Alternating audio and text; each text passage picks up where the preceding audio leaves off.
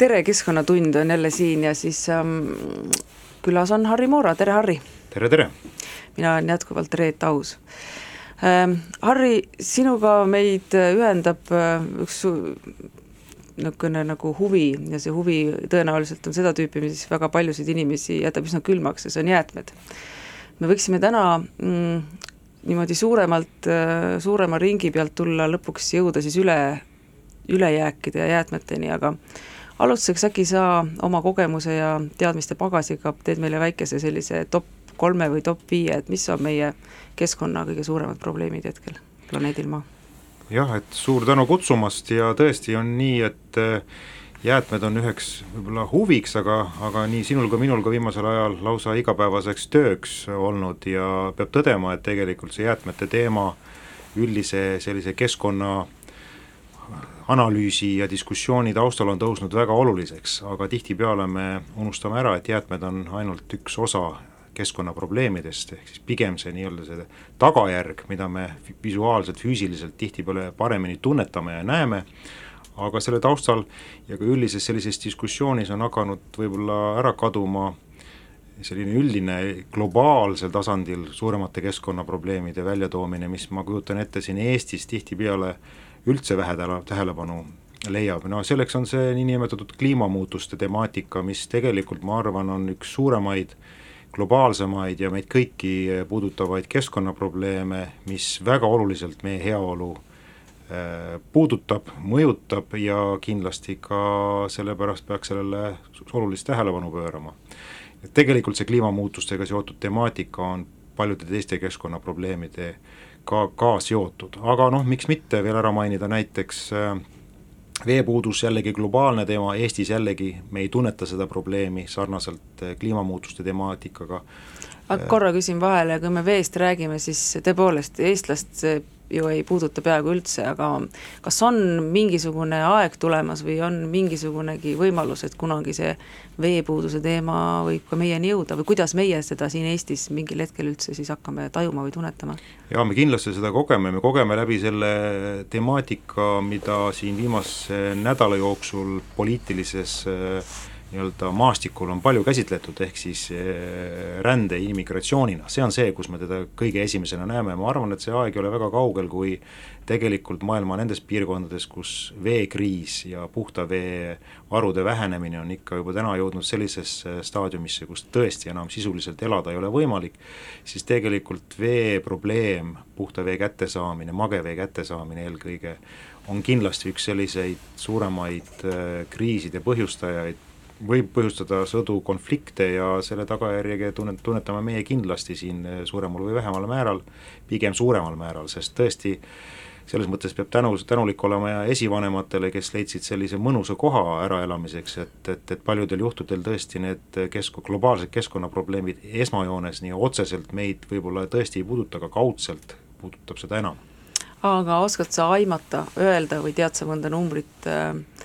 noh, ma ei tea, tänasest päevast kakskümmend aastat, äh, kui me rändemahtudest räägime, et äh, kui praegu me ikkagi enamalt jaolt me ikkagi noh, vaadates meie sellist nagu meediapilti, me räägime ikkagi äh, sõjapagulastest. et millal siis kliimapagulased saavutavad ülekaalu või tegelikult me neid niimoodi päris eraldada ei saagi? ja tegelikult me räägime ikkagi, kui me räägime isegi Euroopa Liidu riikidest, et et eh, siin on terve rida uuringuid läbi viidud, kus on vaadeldud eh, turismivaldkonna põhiselt küll, et eh, kus siis noh, eriti Vahemere riigid, vere, Vahemereäärne piirkond, Küpros on kindlasti üks selliseid saari, kus siin viiekümne aasta perspektiivis tekib probleeme mageveega. Ja, ja, ja sealt tulenevalt muidugi ka kohe järgneb sellele probleem põllumajanduses, nii-öelda turism kui selline on pigem selline pinnavirvendus ehk siis majandustegevus, mis ka ära kaob ja tekitab siis majanduslikku probleemi paljudes piirkondades, aga kindlasti seesama toit, toidu tootmine, põllumajandus, ja tegelikult, kui me vaatame nüüd edasi lõuna poole, siis äh, tegelikult me näeme väga selgesti, et seal on juba see olukord sellises äh, staadiumis, kus äh, nafta kõrval on muutunud oluliseks ka vesi ja muud ressursid, mis osas siis riigid rivaalitsevad ja, ja, ja need konfliktid on palju mitmepalgelisemad kui lihtsalt äh, esialgu võib-olla tundub mingi rahvastevaheline pinge või, või nafta, et seal tegelikult on väga palju ka muud ressursid, sealhulgas vesi, mängu tulemas hmm,. aga kui me lähme nüüd tagasi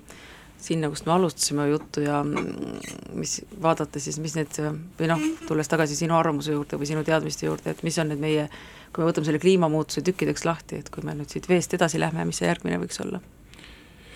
Jah, et tegelikult laiemas plaanis ressursid üldisemalt, et tegelikult kui me vaatame sellise keskmise inimese ökoloogilist jalajälge, siis kõige suurema osa sellest moodustab ikkagi energia tarbimine laiemalt, ehk siis sinna me peame kindlasti ka enda kliimavööndis elades panema nii elektri tarbimise kui ka,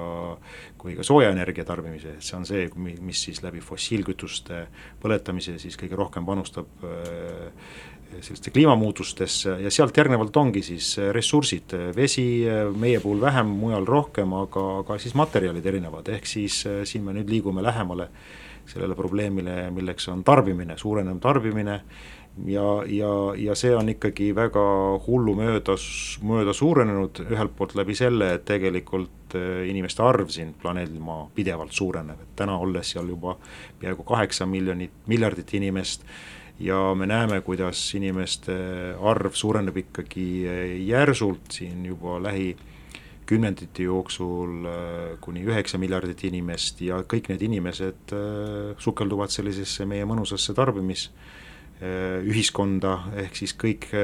ja väga paljuski need arenguriigid, kes võib-olla elasid küllaltki säästlikult alles mõni aeg tagasi, tänasel päeval üle võttes sellist läänelikku tarbimismentaliteeti ja, ja ja mustrit eh, tegelikult eh, panustavad just sinnasamasse, ehk siis lõppkokkuvõttes me näeme, et, et väga paljude ressursside, materjalide puhul äh, lähi äh, aastakümned juba tegelikult muutuvad kriitiliseks, et meil ei ole lihtsalt enam nii-öelda toorainet, et seda tarbimishullustust toita mm. -hmm, aga mis sinu arust siin lahendus on, kas äh, siis need heaoluühiskonnad peaksid tagasi tõmbama, et anda võimalust äh, nii-öelda uustulijatele või, või, või peaks pidurdama hoopis äh, seda arengut sealpool, et see, see on nagu huvitav diskussioon, mis ikka aeg-ajalt jälle üles tuleb. Jah, et me oleme tegelikult ju ka Eesti, kuigi me võib-olla tunnetame ennast pigem sellist piisavalt vaesetena ja me ei ole selles suhtes üldsegi rahul, tahame nagu rohkem saada palka, sissetulekuid ja läbi sellega siis rohkem tarbida, tegelikult me oleme üks osa sellest nii-öelda kahekümnest protsendist eh, inimestest, kes siin maal elavad, kes siis, keda võib lugeda siis nii-öelda rikkaks ühiskonnaks, kes siis tarbivad kaheksakümmend protsenti ressurssidest, see on nüüd hakanud viimastel aegadel oluliselt muutuma. Ehk siis needsamad arenguriigid kiiresti arenedes, eelkõige Hiina ümbritsevad riigid seal, kus majandus väga kiiresti suureneb, on tegelikult pannud päris suure põntsu selle meie niisugusele egoistlikule maailmavaatele, kus me eeldasime, et see kakskümmend protsenti, kuhu, kuhu ka meie kuulume, saame veel päris pikalt siin mõnusalt seda niisugust tarbimisühiskonda nautida, aga, aga, aga just läbi sellise Aasia riikide, Hiina järsu tarbimise suurenemise on tegelikult kõik need prognoosid erinevate ressursside nii-öelda jätkumise osas kokku kukkunud, et, et, et, et see aeg meile kõigile kokku on, on aina lühemaks muutunud, nüüd on hea küsimus jah, et mida me peaksime tegema, et kas me, kas me peaksime edendama ka kolmandates riikides sellist heaoluriik ja, ja sellist jätkusuutlikkust, pigem võttes siis aluseks meie tarbimismudeli, või siis me peaksime ikkagi pigem soodustama seda, et, et, et nii-öelda kolmandad riigid võiksid elada sellises äh, nii-öelda jätkusuutlikus äh, originaalses või ütleme, pigem vanamoodsas äh, ühiskonnas, siin on väga palju eetilisi küsimusi ja huvitavat diskussiooni, mis osas võiks pikalt rääkida. aga ma arvan, et tegelikult me kõik peaksime selgesti sammu tagasi võtma. aga, aga siin on väga palju ka niisugused uuringud, mis inimpsühholoogiat on uurinud ja vaadelnud ja, ja selles osas on küllaltki pessimistlikud. pigem inimene, olles sellise tarbimiskõvera alguses noh, me teame oma ju nahalt seda, et, et eh, väga raske on rääkida tarbimise kokkutõmbamisest, kui sa ei ole veel nii-öelda piisavalt eh, kuidas me ütleme, rahuldatud, eks ju, ehk siis selline jutt, et oh, tarbime vähem, säästame, see, see on pigem rikastes riikides, kus on see tsükkel läbitud, võimalik ette võtta, aga need, kes on alles sellises tarbimise nii-öelda tsükli esimestes sammudes, nende jaoks on psühholoogiliselt väga-väga raske tagasi tõmmata, nii et siin on väga huvitavaid asju ja kindlasti on see väga paljuski psühholoogiline teema, kuhu peaks tegelikult kaasama mitte ainult keskkonnateadlasi, vaid, vaid ka teiste valdkondade inimesi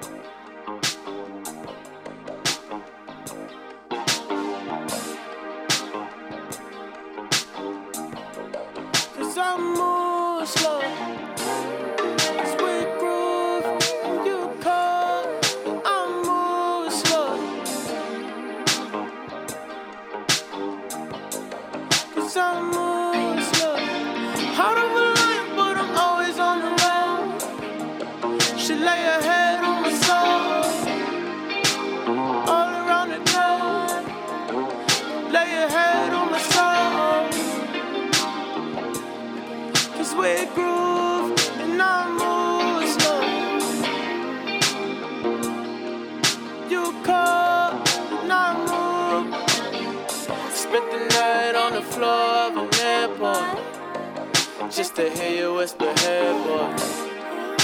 I wanna breathe your air more. Run my fingers through your hair more. Cause we groove and you call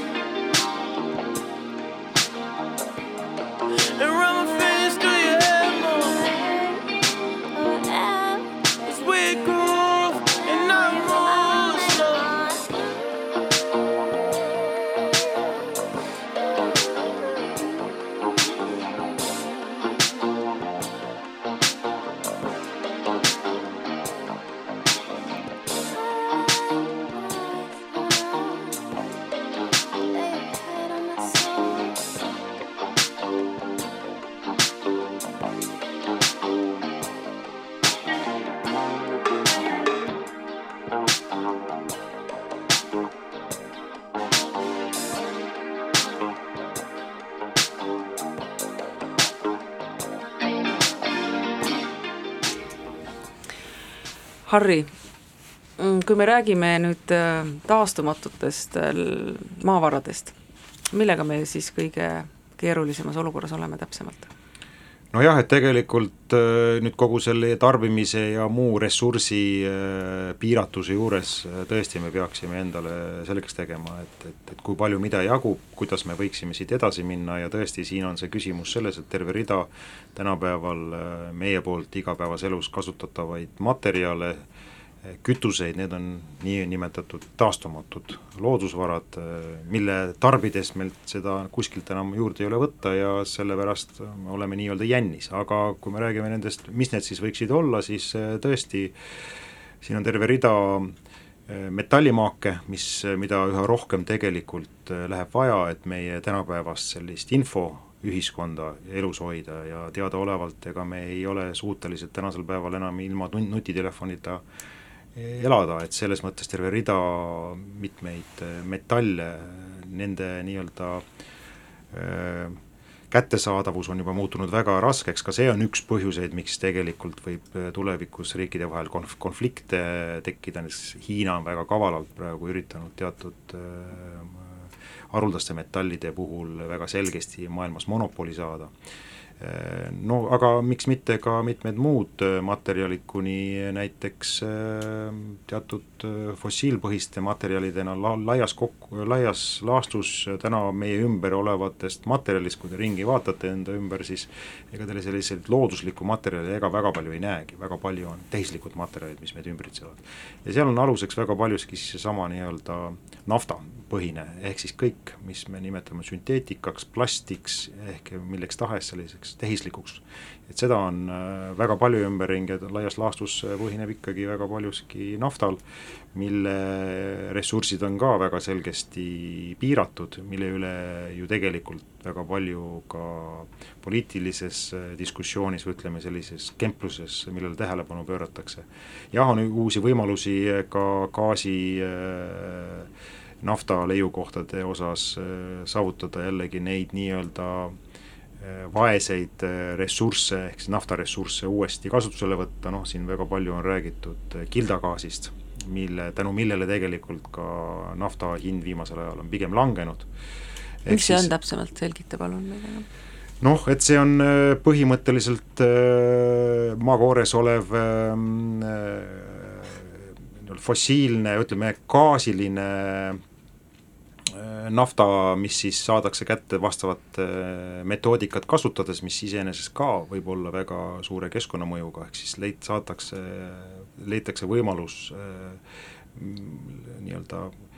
küllaltki äh, vaesed äh, piirkonnad, kus on nii-öelda vaene selle nafta puhul või siis gaasi puhul, et seda nii-öelda kontsentreerida, kätte saada sealt äh, maakoorest. Ja, ja noh, seda on nüüd viimasel ajal palju kasutatud, Ameerika on tõusnud üheks suuremaks nafta ja gaasi eksportijaks tänu sellele tehnoloogia kasutuselevõtule, nii et tegelikult see kindlasti nagu pikendab nafta kui ressursi mm -hmm. kasutuse nii-öelda perioodi. aga mis selle niisugune nagu järelmõju on? no järelmõju on see, et me mõnusalt naudime siiski madalat nafta hinda ja läbi selle siis ikkagi nii-öelda alternatiivsete materjalide, erinevate biomaterjalide kasutamine on, on pärsitud, ehk siis on lihtsam ikkagi kasutada fossiilseid materjale, vähemasti majanduslikult on praegusel juhul äh, fossiilsed materjalid, e, sealhulgas ka näiteks need plastid, mis on viimasel ajal palju probleeme tekitanud ka jäätmetena keskkonna sattudes, äh, on siiski, ongi siiski nii odavad, et, et, et selle taustal väga raske on alternatiivseid materjale kasutusele võtta mm. -hmm. aga kas meil naftale tegelikult on kõikides valdkondades äh, alternatiiv olemas? Laias laastus tänasel hetkel muidugi ei ole, sellepärast et kui me võtame arvesse tänast nii-öelda elustiili mobiilsust, mida me omame, see on täitsa tavaline, et ühel päeval oled sa Barcelonas, teisel päeval siin siinsamas raadioputkas rääkimas, see on tegelikult selline luksus, mida me saavutame siiski täna tänu sellele, et, et meil on nafta ehk energiaallikas, mis on piisavalt odav ja mida, mida me saame kasutada ja omale hüvesid saada, nii et selles mõttes Äh, jah, e, see on keeruline, et tegelikult e, juba kümme aastat tagasi olid pigem perspektiivid või ütleme, prognoosid näitasid, nafta hind on äh, mitu korda kallim ja see mm -hmm. oleks ka selles mõttes olnud väga selge motivatsioon siis alternatiivide või elumuutuste tegemiseks mm. -hmm. no aga hetkel ju nafta hind on jätkuvas languses noh, eks ta kõigub üles-alla, aga selge see, et ta on suhteliselt äh, siiski odav ja ütleme nii, tänase nafta hinna taustal on, on raske tõesti ka mitmete biomaterjalide puhul, näiteks plastide puhul äh, neid äh, laiemalt asendada mm. -hmm. no aga kuna me kõik teame, et tegelikult see asendus meil ühel hetkel ees seisab, on ju, siis kuidas me saaksime seda kiirendada, seda protsessi või millised peaks olema need mõjutushoovad, et et see protsess toimuks meil kiiremini. ja et siin, ega siin laias laastus on kaks sellist hooba või ütleme, kolm osapoolt laias laastus äh, nii-öelda poliitiline hoovastik, ma arvan, et siin Euroopa Liidus mm, tänu sellele, et Eesti kuulub ka Euroopa Liitu, me oleme keskkonnapoliitiliselt äh, mis siis muuhulgas ka nendesamade fossiilsete ressursside osas küllaltki kriitiliselt äh, vaatab seda maastikku, pigem maailmas nagu ikkagi edumeelsed. ja, ja siin ma kujutan ette, Euroopa on selgesti teenäitaja mm, -hmm. teiste riikidega, arenguriigidega viimasel ajal ka Trumpi nii-öelda Ameerika on pigem, lohisevad ikkagi väga pikalaselt järgi, et ja, ja põhi, ütleme, turud ja tarbijad on ikkagi seal, et Euroopa on selles mõttes selgesti muutumas selliseks väikeseks, vananevaks ja teisejärguliseks turuks ja selles suhtes kindlasti ka meie nii-öelda kaal sellises globaalses äh, poliitilises äh, diskussioonis äh, väheneb tulevikus väga selgelt, nii et see poliitiline hoob on üks asi, teiselt poolt muidugi ka puhtalt see, et tegelikult tahes või tahtmata nende ressursside nii-öelda kättesaadavus meil väheneb, sõltumata sellest, kuidas me siin toimetame, see ikkagi väheneb ja, ja siin, kui me tahame, ütleme, kui ettevõtjad, äri nii-öelda sektor tahab olla konkurentsivõimeline, siis ta peab hakkama väga selgelt ka nii-öelda innovatiivselt ja, ja avatud äh, vaatama tulevikku, et see, et siin oodata ainult, et, et poliitiline regulatsioon seda survet äh, teeks, kindlasti ei ole, ei ole piisav.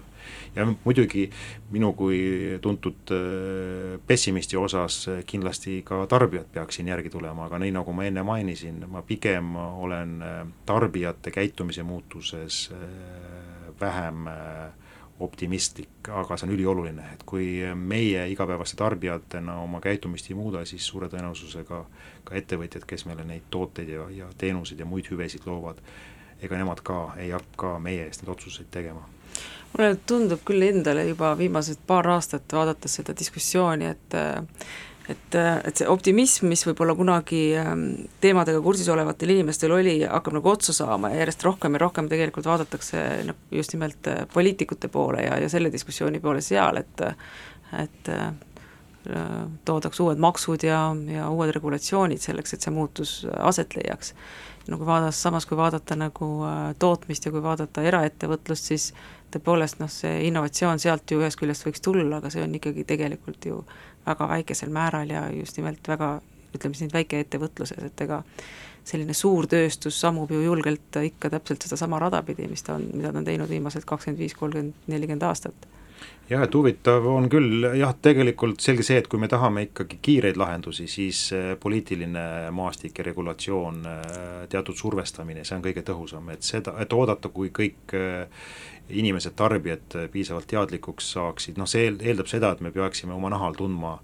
neid keskkonnamõjusid küllaltki valusalt, tihtipeale see võib olla ka väga hiline reag-, reageerimine, et selles mõttes ma olen nõus, see poliitiline regulatsioon peab tulema, kahjuks on siin tõesti nii, et need, kes tegelikult peaks seda, neid läbi need nii-öelda saavad maailma muuta, need on suure, suurettevõtted, aga nagu sa väga hästi tead, näiteks äh, suurte tekstiilirõivabrändide puhul äh, tehakse pigem suuri sõnu, vähemal määral tehakse niisuguseid väiksemaid asendustegevusi,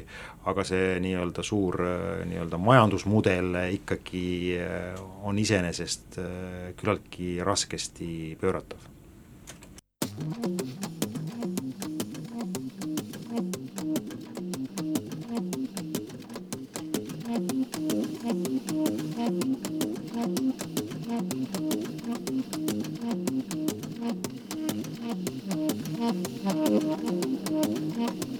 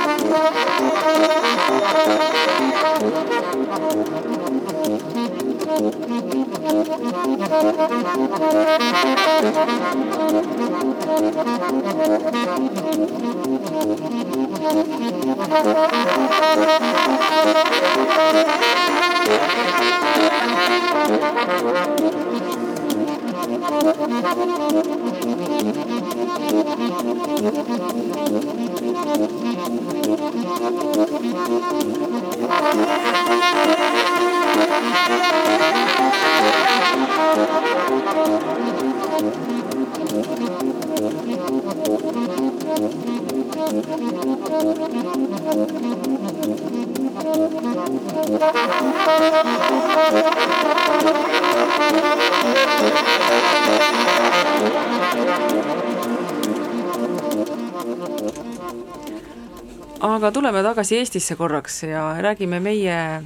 energeetikast. sellest, kuidas meie siin oma elektri toodame, mis sa sellest arvad? nojah, muidugi energeetikast võiks palju rääkida, me ennem nagu alustasime jäätmetest, aga võib-olla siis äh, nii palju oleks mõistlik äh, mitte, et lihtsalt äh, minna nüüd täiesti uue teema peale, sest et äh, ma kujutan ette, et täna nii mitmedki inimesed äh, peavad äh, rõõmupidu, ehk siin üks suur energiaettevõte sai maha müüdud ja heldelt sai inimesed siis, töötajad üle kullatud, eks ju. mul on ainult hirm selle pärast, et nüüd äh, need inimesed selle suure rahaga tormivad, tormavad kohe tarbima, ehk siis äkki nad teevad keskkonnateadlikke investeeringuid, Harri? see oleks küll hea, et noh, vaevalt, et need, need, kõik need kümned ja sajad töötajad investeeringuid hakkavad tegema, aga, aga selle ettevõtte maha müünud mees võiks küll äh, mõelda nüüd väga hästi, kuhu see raha võiks panna, mina arvan küll, et see võiks siis sellisesse keskkonnahoidlikku, keskkonnasäästlikku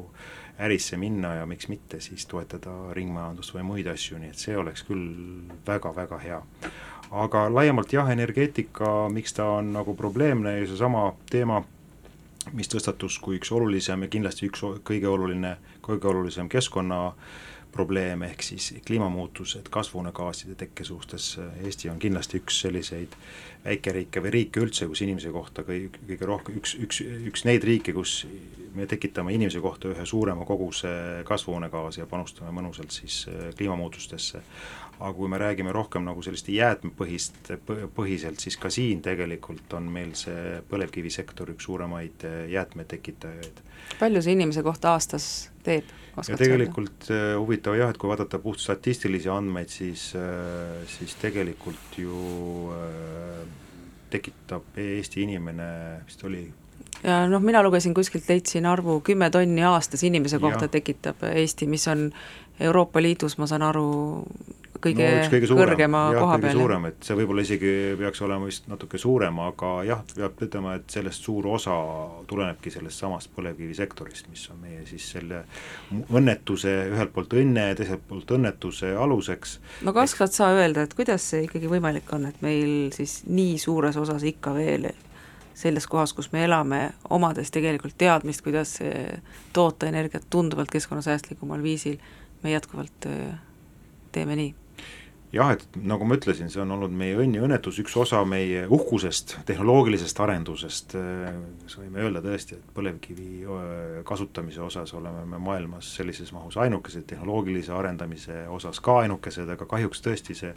põlevkivi on, nagu ta on, et ta on sellest sisuliselt, see on sisuliselt nii-öelda orgaanikarikas põlevkivi, et viiskümmend protsenti sellest on sisuliselt kivi, mis läheb ahju ja läbi selle siis äh, peale selle kõik need rikastusjäätmed, see tuhk, mis sellest põletamisest alles jääb, see on nii suur kogus, äh, et äh, ta sellest protsessist väljudes siis panustabki nendesse tohututesse jäätmekogustesse. no ja ma olen kogu aeg ka enne öelnud, et tegelikult meil on võimalus vähemasti kindlasti rohkem kui täna ka neid põlevkivisektori jäätmeid kasulikult ära kasutada. too sa mõned näited siin ehk jah, et siin tegelikult äh, see tuhk ju iseenesest, äh, mis tuleb äh, Narva elektrijaamadest, see on, oleks väga hea sisend või alus või osa sellest tsemenditööstusesse näiteks mm. -hmm. teisest küljest rikastusjäätmed, ehk siis nii-öelda see mineraalne osa, see põlevkivi, põlevkivisi rikastamisel tekkiv lubjakivi killustik, mida suurtes kogustes tegelikult ju seal Ida-Virumaal tekib, ka selle võiks hoopis laiemalt ära kasutada, miks mitte siis tee-ehituses ja mujal, aga noh, nii nagu majandussüsteemides tavaliselt see on, on ühelt poolt äh, majanduslikult raske logistiliselt seda vedada ja teiselt poolt ka need ehitusettevõtted, kes täna ise Äh, lubjakivi maardlaid või kaevandusi omavad, ega nad ei taha väga, nad ei ole väga õnnelikud, äh, kui siis näiteks Eesti Energia tuleks suurte kogustega turule. Hmm.. ehk see on nagu äriliselt neile oht ja noh, see on väga hästi praegu ähm, äh, kajastunud ka selle Rail Balticu diskussioonis, kus väga selgesti ehitusettevõtted tunnevad ennast ohustatuna ehk siis äh, tegelikult võiks tõesti suur kogus seda täna tekkivat aherainet ja sellest toodetud killustikku ja muud mineraalset materjali kasutada ju äh, Rail Balticu ehitusel, ehk siis seesama nii-öelda pigem negatiivse keskkonnamõjuga või varjundiga projekt, sellest võiks teha ideaalse näidis ringmajanduse projekti, nii et ma loodan väga, et otsuse tegijad ja ka riigihangete läbiviijad seda tulevikus arvestavad, et seda materjali võiksime palju-palju rohkem kasutada. nii et tegelikult ma näen, et meie sellise ressursimahuka või tööstuse üheks oluliseks võtmesõnaks peaks olema samamoodi ringmajandus, et me ei peaks siin Eestis rääkima ainult äh, startup idest ja sellisest väikeettevõtlusest, kus me tunnetame, et me oleme nagu tugevad, aga meil on siin äh, võimalust ja ruumi ka suurettevõtete energia ja ka materjalitõhusust tõsta, nii et eh, ma arvan, et Eestil on siin päris palju häid, häid võimalusi me küll täna sinna ringmajanduse teemasse väga sisse ei lähe, aga ole hea, sõnasta, ütle paari lausega, mis on ringmajandus jaa, et sellest võib palju pikalt rääkida, kui meil on võimalus, siis me võime seda definitsiooni avada, tegelikult see ringmajandus, eh, nagu ma olen siin viimasel ajal öelnud, et minu jaoks üllatus ka, et seda nüüd defineeritakse väga laialt, aga laias laastus on see jah, vastand sellisele tänase päeva selle lineaarsele majandusmudelile, kus me toodame, kasutame ja viskame ära, siis, siis ringmajanduses peaksime me neid ressursse võimalikult kaua pikaajaliselt kasutama, korduskasutama ja ringlusse võtma, sisuliselt me peame toot-, tegema või eh, arendama või disainima tooteid, millest oleks võimalik uusi tooteid toota, laias laastus väga lihtsalt öeldes peaks olema siis selline tuleviku uus eh, majandusmudel, mis meil aitab natuke sellises eh, kahanevate ressurssidega olukorras jätkusuutlikumalt ühelt poolt majandada, aga teiselt poolt ka tarbida, et, et, et see on maja, uus majandussüsteem, mudel kas Euroopa Liit on nagu võtnud endale eesmärgiks ka mingi aastaarvu, millal see ringmajandusmudel peaks kuidagi olema juurutatud meie ettevõtlusesse või? jah, et tegelikult äh, ring, Euroopal on see ringmajandus, kui noh, üldisemalt üldse selline ressursside kahanemine on ohuks, kuna meil endil ju siin Euroopa Liidu territooriumil väga palju ressursse ei ole, me sõltume väga paljuski teistest riikidest niisuguste põhiressursside osas ja selles mõttes on Euroopa majandusele, ettevõtetele ellujäämiseks ülioluline sellise ringmajanduse põhimõtete rakendamine ja neid eesmärke, nüüd on jah, see ringmajandus muutunud väga oluliseks poliitiliseks võtmesõnaks, tihtipeale ka võib-olla on seda, kasutatakse seda liiga tihedasti ja arusaamata, mis seal taga on, aga, aga teisest, teisest küljest vaadatuna kindlasti noh, erinevates sektorites läbi erinevate eesmärkide peab seda suruma, üht, ühtset suurt eesmärki ju ei ole, läbi erinevate eesmärkide ja sihtarvude, eelkõige jäätmekäitlussektoris, on, on ta siis praegu Euroopa Liidus eh, läbi erinevate õigusaktidega rakendust leidnud. Mm. -hmm, aga tuleme tagasi korra selle juurde, et et kui me jätame energeetikast tekkivad jäätmed välja, siis väidetavalt Eestis inimese kohta tekib aastas kolmsada kilo jäätmeid, ehk siis prügi. kas see oleks kõik midagi, kas see on selline maht, et kui me seda õieti käitleksime, kas me oleksime võimelised seda siis ringlusse tagasi tooma? ja ma arvan, et see on natuke rohkem kui kolmsada, siin on jällegi niisugune statistika mingi, jah, aga ma arvan, et me Ametliks. pidevalt suurendame seda, me jõuame järgi äh, arenenud riikidele, jah, Euroopa Liidus me selle kolmsada pluss kilo inimese kohta äh, oleme pigem seal tagumises kolmandikus mm, -hmm. aga ma arvan, et kui me võtame nüüd värskemad andmed ette, siis me oleme juba, juba seal poole peal, kui mitte juba eespool, sest see sõltub väga paljuski just sellest samast äh, meie sissetulekust ja tarbimisest. ehk siis need olmejäätmed, mis me siis tekitame oma igapäevase elutoimetuse tagajärjel, äh, need on need, mis, äh, mille osakaal näitab viimasel ajal pidevat suurenemist samuti ja, ja noh, mis need siis on, seal on valdav osa sellest mahu poolest kuni seitsekümmend protsenti, kaaluliselt kuskil äh, kolmkümmend viis protsenti on sellest äh, pakend, pakendijäätmed. huvitav on see, et, et meie poolt tarbitud toodetest seal seitsekümmend, kaheksakümmend protsenti vahetult pärast nii-öelda kasutamist kohe muutuvad jäätmeteks ja seal ongi pakendi osakaal mm -hmm. kõige suuremad, et kõik, kogu selle tarbimishullustuse ja tarbimise ümber on, on see pakend see, mis, mis on üks selliseid äh, tooteid ja materjale, mis, mis tekitab ja panustab. mis me äh, kokku korjatud pakendiga täna teeme? noh, Eestis me oleme pigem tagasihoidlikud oma pakendijäätmete kogumissüsteemi arendamise seisukohast vaadatuna, et äh, need, kellel on õnne või õnne, õnne olnud mujal riikides, Euroopas, Saksamaal, teistes riikides elada, näevad tegelikult, et äh, kuidas selline tõeliselt tõhus pakendijäätmete kogumissüsteem peaks toimima. meil see tegelikult ei ole mõnus, ei ole hea, et inimestel pakendijäätmete liigiti kogumisega on, on probleeme ja ka terve rida uuringuid on läbi viidud, et, et ainukene ja üpris hästi toimiv äh, süsteem on meil see niinimetatud pandipakendisüsteem mm, -hmm. kus, mis tõesti hästi toimib ja kus me võime võib-olla tõesti olla eeskujuks äh, teistele riikidele Euroopa Liidus.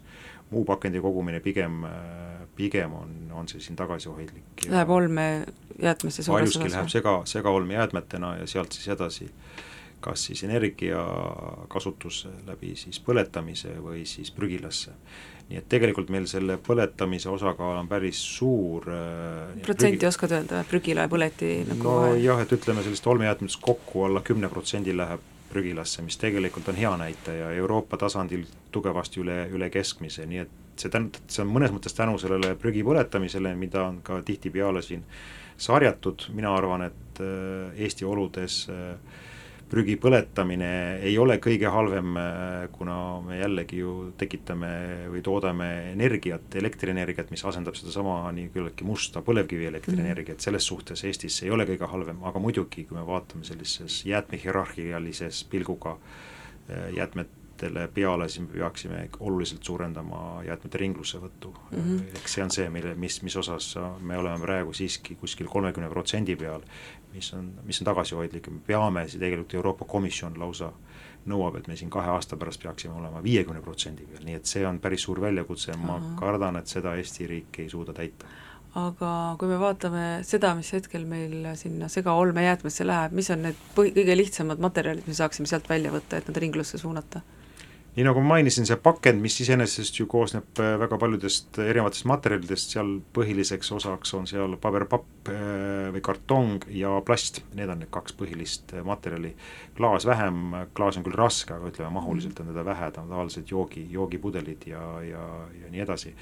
ja, ja väga suur osa meie prügikastist on ka toidujäätmetel, et see on omaette mm -hmm. huvitav äh, valdkond, kus me ka näeme, jällegi me saame rikkamaks, me tarbime rohkem, meil meeldib rohkem süüa ja selle taustal me unustame tihtipeale ära ka selle, et, et toit on äh, nii eetiliselt kui ka, kui ka keskkonna, kui ka majanduslikult selline oluline asi või kaup, mille, mida, mida ei tohiks nii palju raisata, et Te tegite äsja, eelmine aasta tegite uuringu, mis, mis need uuringu tulemused on, paari sõnaga? jah, me oleme siin eelnevatel aastal terve rea uuringuid läbi viinud ja tegelikult mis me näeme, on see, et toidujäätmete kogus suureneb, selle, sealhulgas toidu, raisatava toidu kogus, ehk see osa siis toidujäätmetest, mida tegelikult saaks nii-öelda äh, päästa või siis mille jäätmeteks tekkes, teket saaks vältida, ka see kogus äh, vähehaaval suureneb ja kõige huvitav on just see, et kõige suuremad toidujäätmete tekitajad ja toidu raiskajad on kodumajapidamised. päriselt? jah, et seitsekümmend protsenti toidujäätmetest tekitavad kodumajapidamised, tihtipeale näidatakse näpuga ja põhiline, arvatakse, et põhiline raiskaja on, on kaubandus, et mm -hmm. kaubandus tegelikult on äh, küllaltki väikene toidujäätmete tekitaja, nii et ikka me peaksime vaatama väga selgesti peeglisse ja, ja ka, ja siin me oleme selgesti ikkagi kodumajapidamised, me kõik ise oma igapäevase elutegevuse juures kipume väga palju toitu ära viskama. inimese kohta oskad öelda, palju see aastas on või?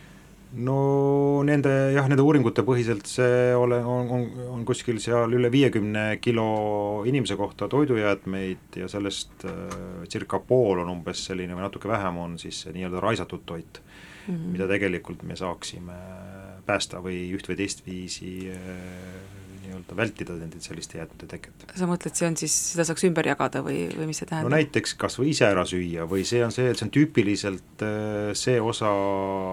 toidukaubast, mis, või toiduainetest, mis me ostame, aga ära ei tarbi, kas ta jääb meil äh, nii-öelda külmkappi vedelema mõneks ajaks, äh, ületab tähtaja, või siis ka see, et me tegelikult oleme viimasel ajal küllaltki pirtsakad, väga paljud äh, uuringu tulemusel väga paljudes äh, leibkondades, ütleme kodumajapidamistes, jääb lihtsalt, ei sööda toitu ära, vaid seda jääb äh, palju järgi ja huvitav on see, et äh, mida vähem on lapsi perekonnas, seda rohkem visatakse valmistoitu ära, nii et eriti pirtsakad on sellised ühe-kahe lapsega perekonnad, nii kui rohkem on lapsi perekonnas, kohe on äravisatav toidujäätmete hulk väiksem, nii et, et no siis on ka hea isuga pereisa tavaliselt. No seda ma olen ise ka üritanud, seda mm, nii-öelda panustada sellesse toiduainete vähendamise ise, aga see viib tegelikult selleni, et siis raiskad oma sissetulekut ja aega kuskil spordisaalis, nii et et tegelikult mõistlik oleks ikka teha toitu nii palju, kui sa ära sööd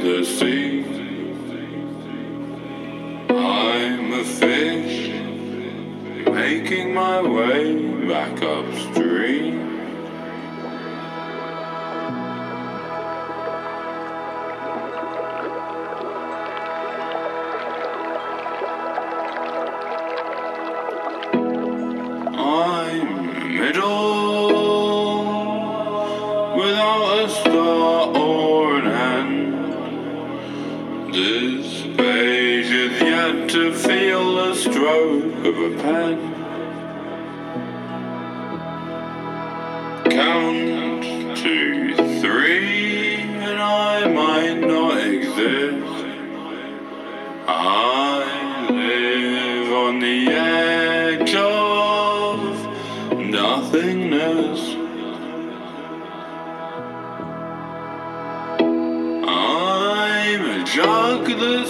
to be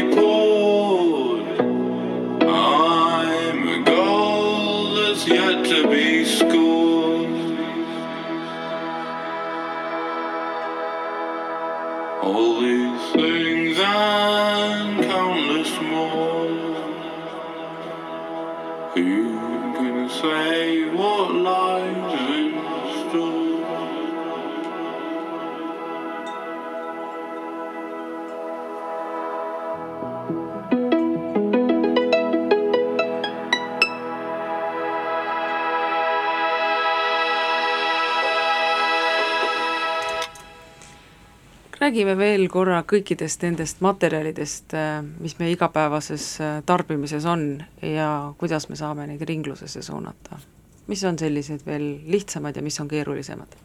ja et kui me tuleme nüüd selliste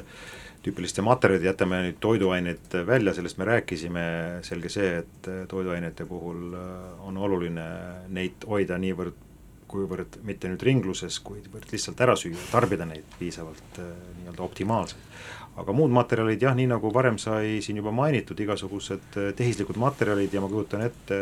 nii nagu ma enne mainisin, üha rohkem on meie ümber erinevaid eh, sünteetilisi plaste ja muid materjale ja, ja nii nagu ma enne ütlesin, ka pakendimaterjalide seas on plast kindlasti üks olulisemaid materjale, mille osakaal ka pidevalt suureneb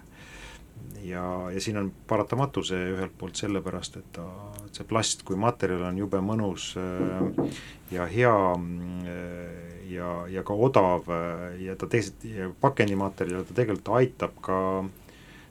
kaasa paljude muude keskkonnamõjude vältimisele, näiteks kui me nüüd toiduaineid hästi ei pakendaks, siis suure tõenäosusega tänast globaalset toidusüsteemi vaadates me lihtsalt väga palju toiduaineid läheks raisku, et tegelikult kolmandates riikides äh, tänu sellele logistikale ja kehvale pakendamisele, hoidmisele läheb äh, valdav osa toitu ju raisku mm, -hmm. mitte niivõrd äh, inimese toidulaua peale. nii et on, see on niisugune kahe otsaga asi, aga kui me vaatame veel edasi, mis siin veel on sellised äh, huvitavad äh, tooted ja materjalid, mida päris palju on meil ähm, no võtame rõivad noh, rõivad, just tekstiil ja rõivad, see on see teema, mis, mis on ka hästi populaarseks muutunud ja, ja mis siiamaani tegelikult äh, läbi sellise taaskasutuse või ütleme, ringlussevõtu palju tähelepanu ei ole leidnud, seal on ka terve rida probleeme, miks seda ei ole suudetud nii korralikult organiseerida. mis osas sina võib-olla isegi tead rohkem äh, rääkida, aga jah, kasutatud rõivaste ringlussevõtt on, on väga keeruline, tehniliselt on seda raske toimetada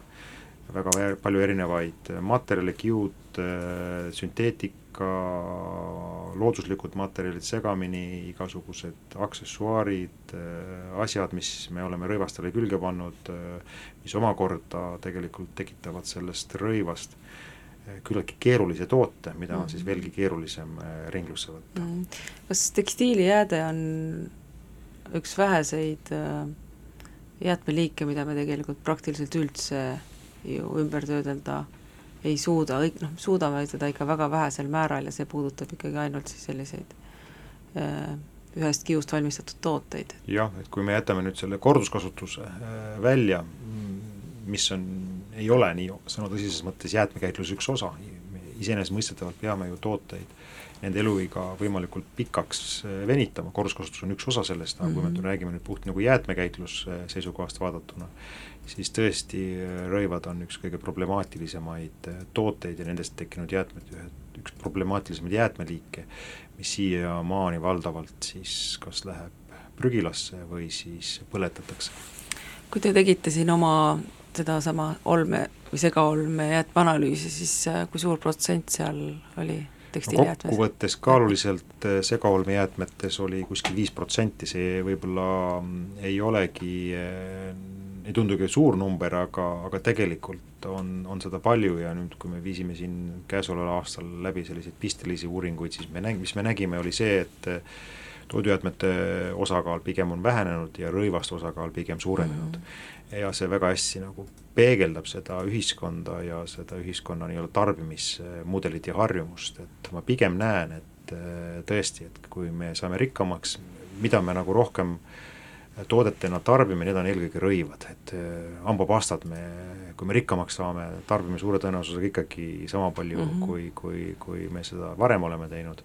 aga rõivad on need äh, selgelt üks tooterühm, mida me siis mm -hmm. kindlasti rohkem hakkame tarbima, kui me rikkamaks saame. no kui juba vaadata, kui palju on tekkinud teise ringi kauplusi, just rõivakauplusi viimase, ma ei tea, viie aasta jooksul näiteks, siis see on tegelikult ju täiesti nähtav ka meil linnapildis ja väga suur osa nendest toovad ju tegelikult äh, oma kauba sisse kas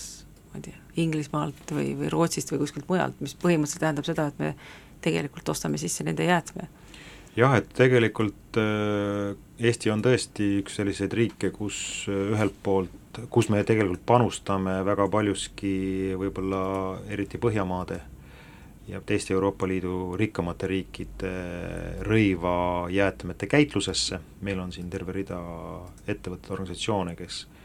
tegelevad jäätmete sortimise, vahesortimisega ja nii edasi, samas on meil ka teisese turuna oleme me piisavalt äh, nii-öelda atraktiivsed veel, et tegelikult ja noh, nii võib öelda ka, et äh,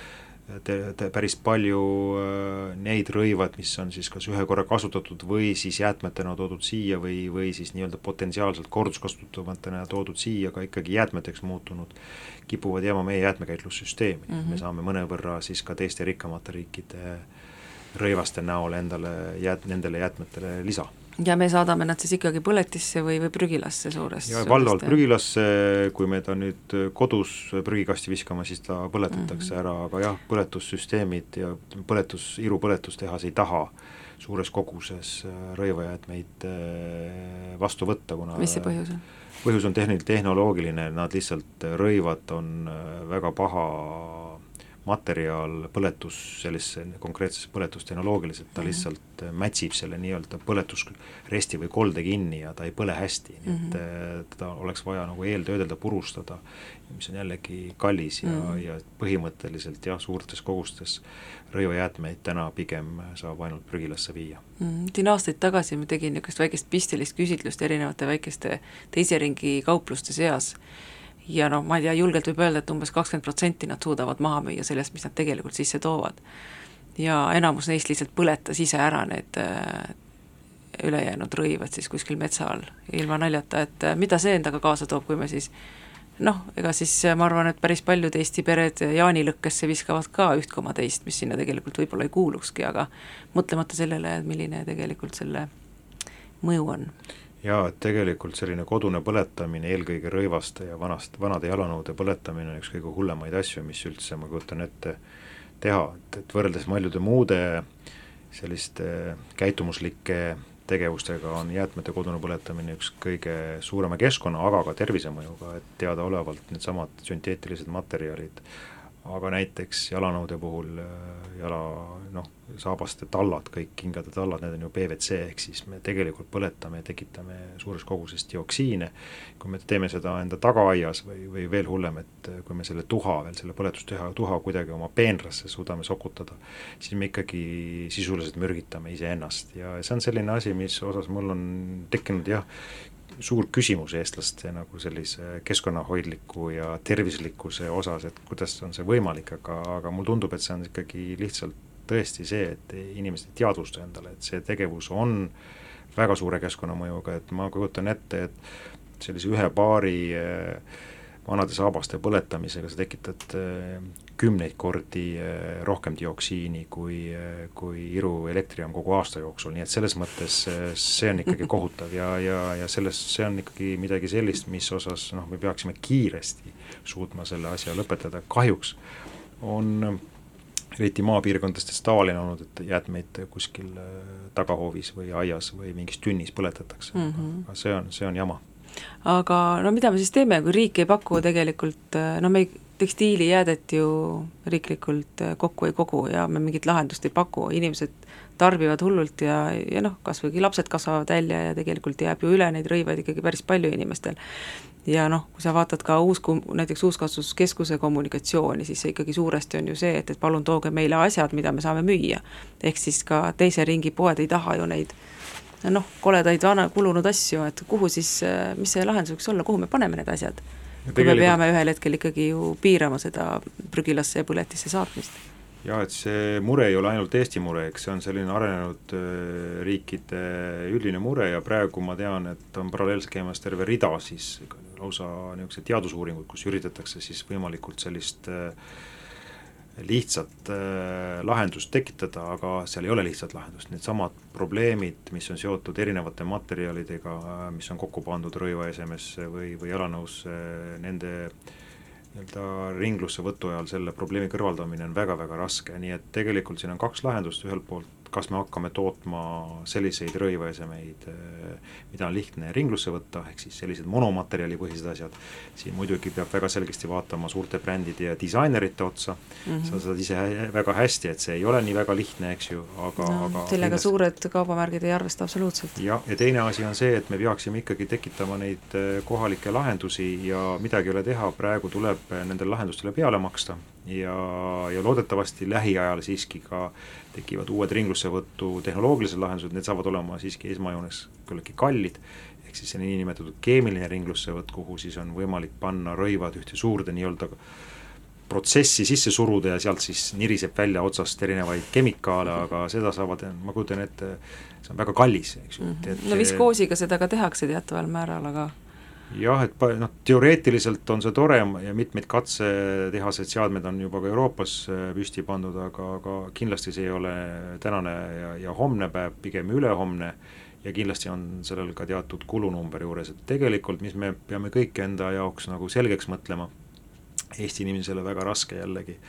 et me peaksime oma jäätmetest lahtisaamise eest rohkem maksma, et täna ju põhisuur kisa ja kära jäätmekäitluse ära selle teenuse ümber käib ikkagi selle hinna ümber mm. -hmm. ja samas me ei ole endale ikkagi vist hästi teadvustanud või aru saanud, et eh, see summa, mida keskmine majapidamine tegelikult kuus maksab jäätmete äraviimise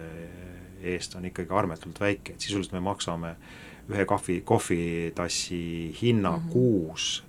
eh, et sellest probleemist eh, lahti saada ja see on mhm. selgelt liiga väike. me tegelikult üldiste kommunaalkulude taustal me näeme, et see on olematu summa, et me mm -hmm. peame enda jaoks väga selgesti, endale selgeks tegema, et see, kui me